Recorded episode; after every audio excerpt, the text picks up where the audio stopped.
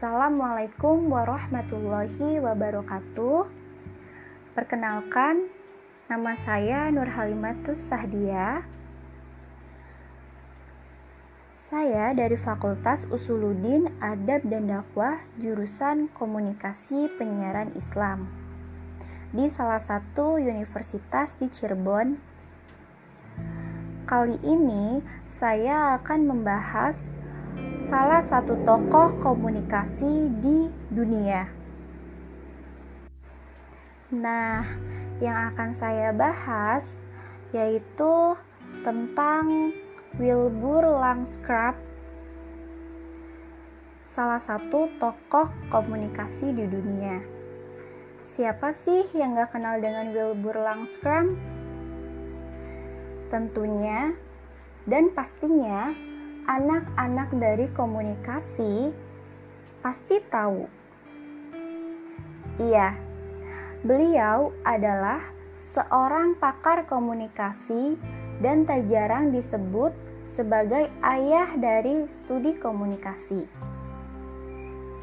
Beliau berparadigma positivistik dari Amerika Serikat. Beliau lahir di Marietta, yakni sebuah kota yang terletak di batas selatan Ohio yang diberi nama oleh penjajah Prancis pada tanggal 5 Agustus 1907 dan meninggal di Honolulu, Hawaii pada tanggal 27 Desember 1987. Leluhur Scrum berasal dari Scramburg, Jerman, dan nama Jerman yang didapat Scrum dikarenakan kesulitan keluarganya selama Perang Dunia Pertama. Sewaktu Scrum masih anak-anak, ayahnya adalah seorang pengacara di Mareta yang membuka praktek legal yang menyedihkan. Saat ia masih anak-anak, Scrum menunjukkan semangat yang mana dapat mengarakteristikan karir sesuai keinginannya, kreativitasnya, kemampuan intelektualnya, dan menjadikan ia sebagai master dalam suatu bidang yang baru. Scrum mengajar di Universitas Loa pada awal tahun 1930-an.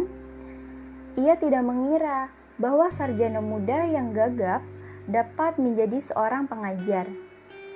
Namun, secepat mungkin dengan terapi berbicara, dan mungkin dengan tumbuhnya ras percaya diri terhadap kemampuan verbalnya, Scrum mengatasi masalah kegagapannya sedikit demi sedikit. Dan ia menjadikan mengajar adalah karir dalam bagian hidupnya. Dan dalam kehidupan selanjutnya, ada kalanya cara bicara yang gagap adalah suatu masalah Scrum memang sulit berbicara, namun mudah menulis. Dan ia mendapat biaya kuliahnya dengan bekerja paruh waktu sebagai reporter olahraga pada koran Mareta, Register, dan bekerja di Boston Herald selama ia lulus dari Universitas Harvard, menyelenggarakan gelar MA-nya di American Civilization pada tahun 1930. Nah, mengapa Scrum meninggalkan Harvard setelah mendapatkan gelar masternya? Karena uang kuliah di Harvard sangatlah mahal, yaitu 500 dolar per semester. Dan Scrum mengalami kesulitan finansial. Dalam waktu senggangnya di Harvard, ia bekerja enam paruh waktu secara serempak. Setelah itu, ia dihadiahi beasiswa kelulusan dan itu sedikit banyak menyenangkan finansial dan keuangannya. Namun, ketika bursa saham anjlok dan hal tersebut menjadi penyebab depresi yang hebat. Nah, Alasan lain Scrum pindah ke Universitas Loa untuk gelar doktornya berkaitan dengan kegagapan yang dialaminya. Salah satu ahli top tentang kegagapan di United States yaitu Profesor Lee Edward Travis menyelenggarakan penelitian dan pelatihan tentang kegagapan di Loa.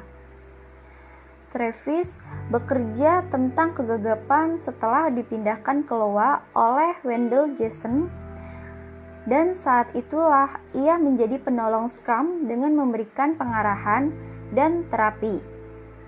Jason mengalami kegagapan sejak ia umur 5 tahun.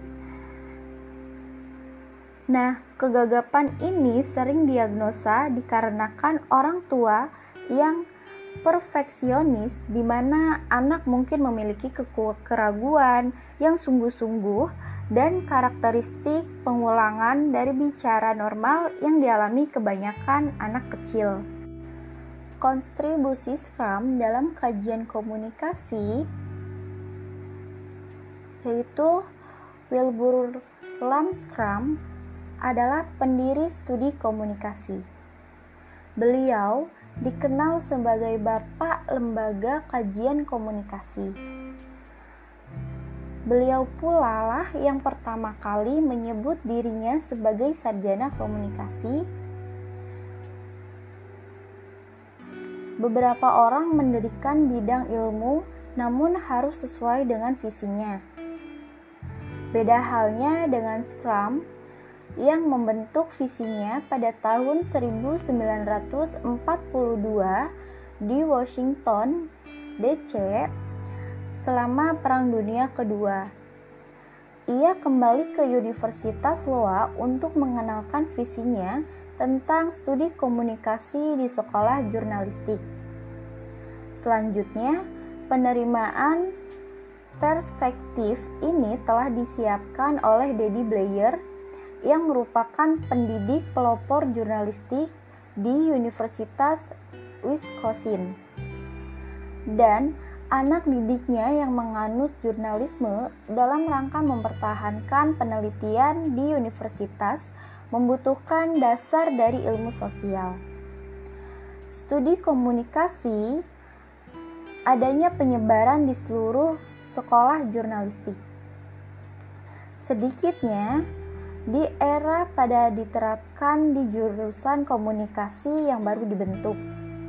Kemudian, dengan berangsur-angsur dan tanpa masalah, Green A. Hedges lawan C-Squares yang terjadi di jurnalistik, komunikasi juga menyerbu jurusan pidato dan bicara, dan memutarnya jauh dari humanistik dan menjadi retorika selanjutnya.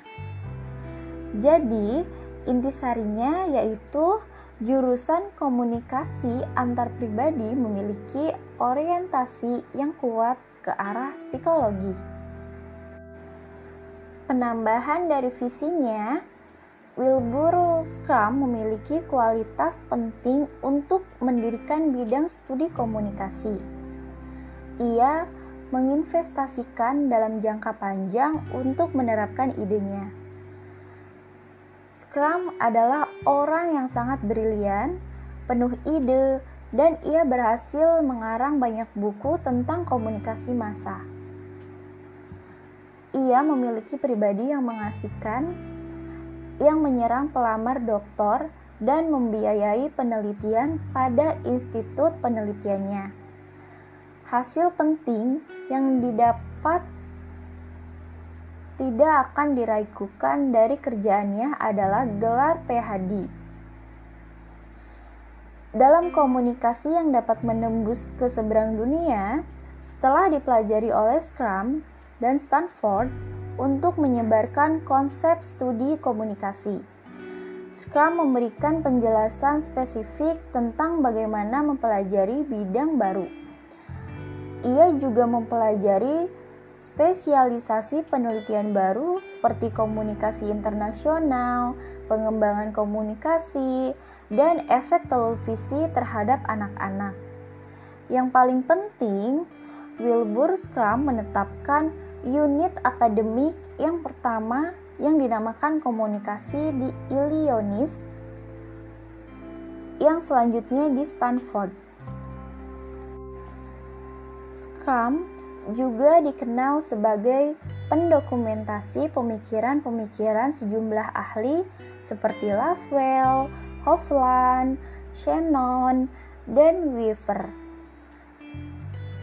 Sebagai teks awal kajian komunikasi, Scrum pernah mengadakan penelitian mengenai satelit palapa di Indonesia bersama Gocu dan beberapa sarjana politik Indonesia, yakni Dr. Alfian, M. Alwi Dahlan, serta pakar-pakar komunikasi generasi awal Indonesia lainnya.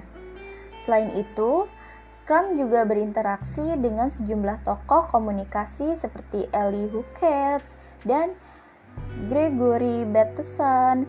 Kajian komunikasi di Indonesia yang sejak Orde Baru sangat kental mendapat warna dari tradisi yang dikembangkan oleh Scrum. Nah, dalam buku Introduction to Mass Communication Research, Navgizer and White 1972 halaman 10 Scrum mendefinisikan teori sebagai suatu perangkat pernyataan yang paling berkaitan pada abstraksi dengan kadar yang tinggi. Dan daripada proposisinya bisa dihasilkan yang dapat diuji secara ilmiah. Dan pada landasannya dapat dilakukan prediksi mengenai perilaku. Nah, dari definisi tersebut sudah jelas bahwa teori merupakan hasil telaah dengan metode ilmiah, yakni metode penyelidikan atau metode pemaparan kebenaran yang ditunjukkan oleh ciri-ciri. Wibu Scrum adalah seorang ahli komunikasi yang memberikan pengaruh yang sangat besar dalam memfasilitasi penggunaan model komunikasi linier pada tahun 1950-an dan kemudian bergerak untuk mengembangkan model komunikasi relasional di tahun 1973. Nah, berbagai penelitian komunikasi dan empiris dipengaruhi oleh model komunikasi Scrum. Yang terdapat tiga model komunikasi Scrum, yaitu yang pertama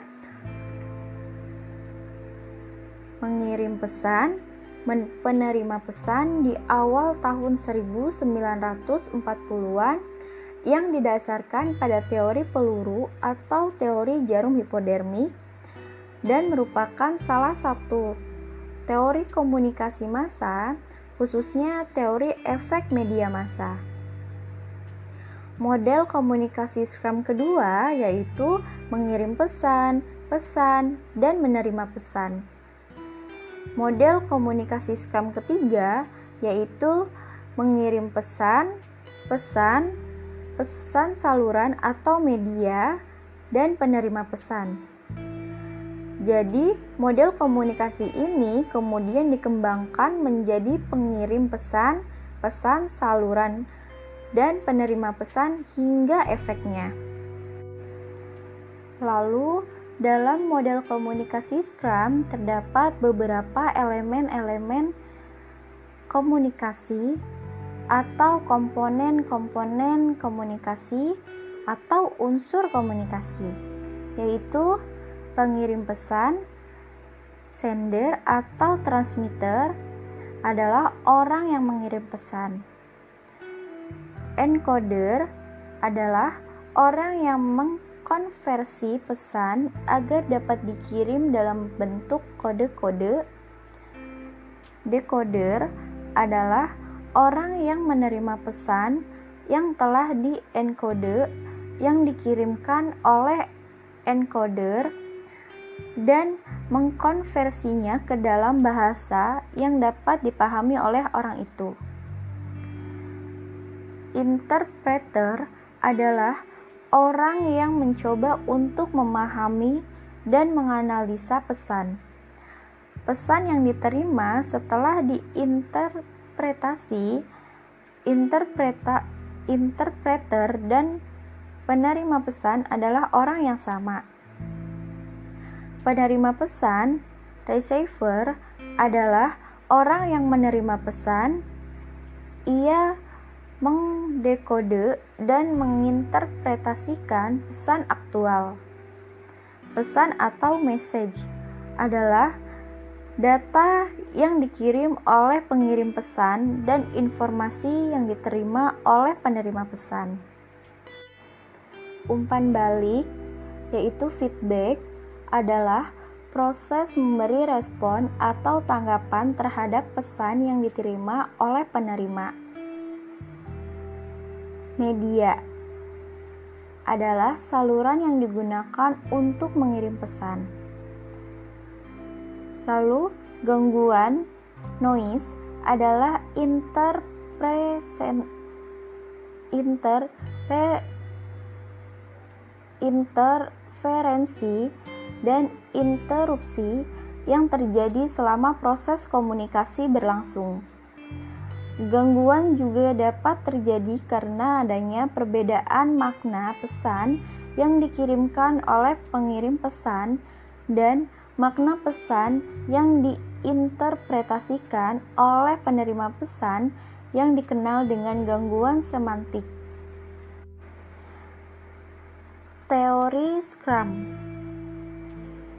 Teori yang pernah dikemukakan oleh Wilbur Scrum yaitu teori peluru. Teori ini merupakan konsep awal sebagai efek komunikasi massa yang oleh para teoritisi komunikasi tahun 1970-an dinamakan pula hypodemic needle theory yang dapat diterjemahkan sebagai teori jarum hipodermik. Teori ini ditampilkan pada tahun 1950-an setelah peristiwa penyiaran kaleidoskop stasiun radio CSB di Amerika berjudul The The Invasion from Mars. Pada tahun tersebut, Scrum mengemukakan bahwa seorang komunikator dapat mengembak, menembakkan peluru komunikasi yang begitu ajaib kepada khalayak yang pasif tidak berbahaya. Namun, dalam karya tulisnya yang diterbitkan pada awal tahun 1970-an, Scrum meminta kepada para peminatnya agar teori peluru tersebut itu dianggap tidak ada. Sebab halayak yang menjadi sasaran media massa itu ternyata tidak pasif.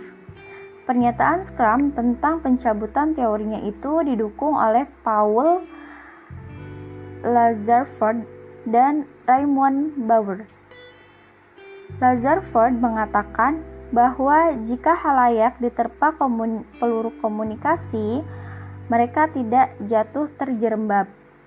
Kadang-kadang peluru itu tidak menembus. Namun ada kalanya pula efek yang timbul berlainan dengan tujuan penembak. Sering pula halayak yang dijadikan sasaran senang untuk ditembak. Visi Scrum dalam studi komunikasi dibentuk selama 1942 saat ia menjadi direktur divisi pendidikan OFF dan yang terakhir pada ALL. Idenya tentang komunikasi mungkin tumbuh berangsur-angsur melalui kontak setiap hari dengan sarjana lain yang memiliki minat dalam memunculkan bidang komunikasi. Kelompok tersebut mencoba menilai melalui survei mengenai efek dari kegiatan komunikasi yang mereka lakukan terhadap publik. Tujuan utama dari perencanaan ini adalah untuk menyelesaikan kampanye komunikasi dalam skala besar yang dipandu oleh ahli-ahli terbaik yang ada dengan feedback tentang penyajian efek dan dari efek audiens. Sebagai penulis yang produktif, Ilbu Scrum telah berhasil menulis beberapa judul buku antara lain yaitu Man, Messages, and Media pada tahun 1973, Beginnings of Communication Study in America, Personal Memoir, April 1997, ditulis bersama Everett M. Rogers dan Stephen H. Covey. Four theories of the press, the authoritarian, libertarian, social responsibility, dan Soviet Communist concept of what the press should be and do ditulis bersama Theodore Peterson and Frederick Siebert. Big Media, Little Media, Tools and Technologies for Instruction pada Januari tahun 1977. The Science of Human Communication pada tahun 1969. Theory of Human Communication Cave Painting to Microsoft Januari 1988 Nah, itulah beberapa buku yang pernah ditulis oleh Wilbur Langstrom. Pada model komunikasi Scrum juga memiliki kelebihan dan kekurangan sebagaimana model komunikasi lainnya. Model komunikasi Scrum memiliki beberapa kelebihan, yaitu yang pertama, komunikasi sirkuler memberikan kesempatan bagi kedua belah pihak untuk memberikan pendapat mereka. Yang kedua, model komunikasi Scrum bersifat dinamis dan selalu berubah sehingga sangat membantu dalam berbagai praktek komunikasi secara umum. Yang ketiga, pengirim pesan dan penerima pesan saling bertukar pesan dalam tingkatan yang sama aktifnya. Keempat, gangguan semantik merupakan konsep yang membantu pemahaman berbagai permasalahan yang dapat terjadi selama penafsiran pesan. Yang kelima, umpan balik memberikan kemudahan untuk mengetahui apakah pesan yang ditafsirkan boleh penerima pesan sesuai dengan tujuan atau tidak. 6. Konsep interpretasi membuat komunikasi menjadi efektif. Yang ketujuh, bidang pengalaman atau efek psikologis membantu pemahaman proses komunikasi dalam beberapa cara dibandingkan dengan cara tradisional. 8. Konsep konteks membuat berbagai faktor lingkungan dapat dimasukkan ke dalam penafsiran pesan dan membawa perubahan dalam nilai pesan. Model komunikasi Scrum juga memiliki beberapa kekurangan, yaitu Model komunikasi Scrum tidak dapat digunakan dalam berbagai tingkatan komunikasi dan proses komunikasi yang kompleks. Pesan yang dikirimkan dan diterima mungkin saja ditafsirkan secara berbeda. Hanya saja ada dua sumber yang berkomunikasi. Beberapa sumber membuat proses menjadi lebih kompleks dan model tidak dapat diimplementasikan. Manfaat mempelajari model komunikasi Scrum yaitu kita memahami berbagai macam model komunikasi Scrum. Lalu kita memahami berbagai komponen dalam model komunikasi Scrum dan konteks yang menyertainya. Jadi, Wilbur Langstrom adalah tokoh ahli komunikasi atau seorang pakar komunikasi yang disebut juga sebagai ayah dari studi komunikasi. Ia meraih gelar AB dari Universitas Mareta pada tahun 1928, AM dari Universitas Harvard 1930 dan PhD dari Universitas Loa pada tahun 1932 Scrum mengajar bahasa Inggris di Loa pada tahun 1935 sampai 1943. Selain itu juga mendasari berdirinya American Private sekaligus sebagai editornya Scrum menjadi pimpinan The Loa Write Workshop. Bekerja di firm Hardcourt Brace dan membantu di Federal War Information Agency. Beliau memimpin School of Journalism di Loa pada tahun 1943 sampai 1947. Kemudian menjadi pimpinan program kajian komunikasi massa di Universitas Illinois, Universitas Stanford, dan The, The East West Center, Universitas Hawaii. Beliau merupakan seseorang penulis produktif dan editor di Amerika Literatur dan Mass Communication. Beliau memiliki pengaruh besar pada perkembangan penelitian komunikasi di Amerika Serikat dan membangun Departemen Studi Komunikasi di Universitas di Amerika Serikat. Scrum lahir di Marietta, Ohio, Ohio. Setelah bekerja untuk Associated Press, ia menerima gelar AM dalam peradaban Amerika di Harvard University dan PH dalam bahasa Inggris di University of Hawaii, di mana ia akhirnya mendirikan loka karya menulis kreatif. Cerita sendiri menghasilkan pengharga penghargaan dari Henry O.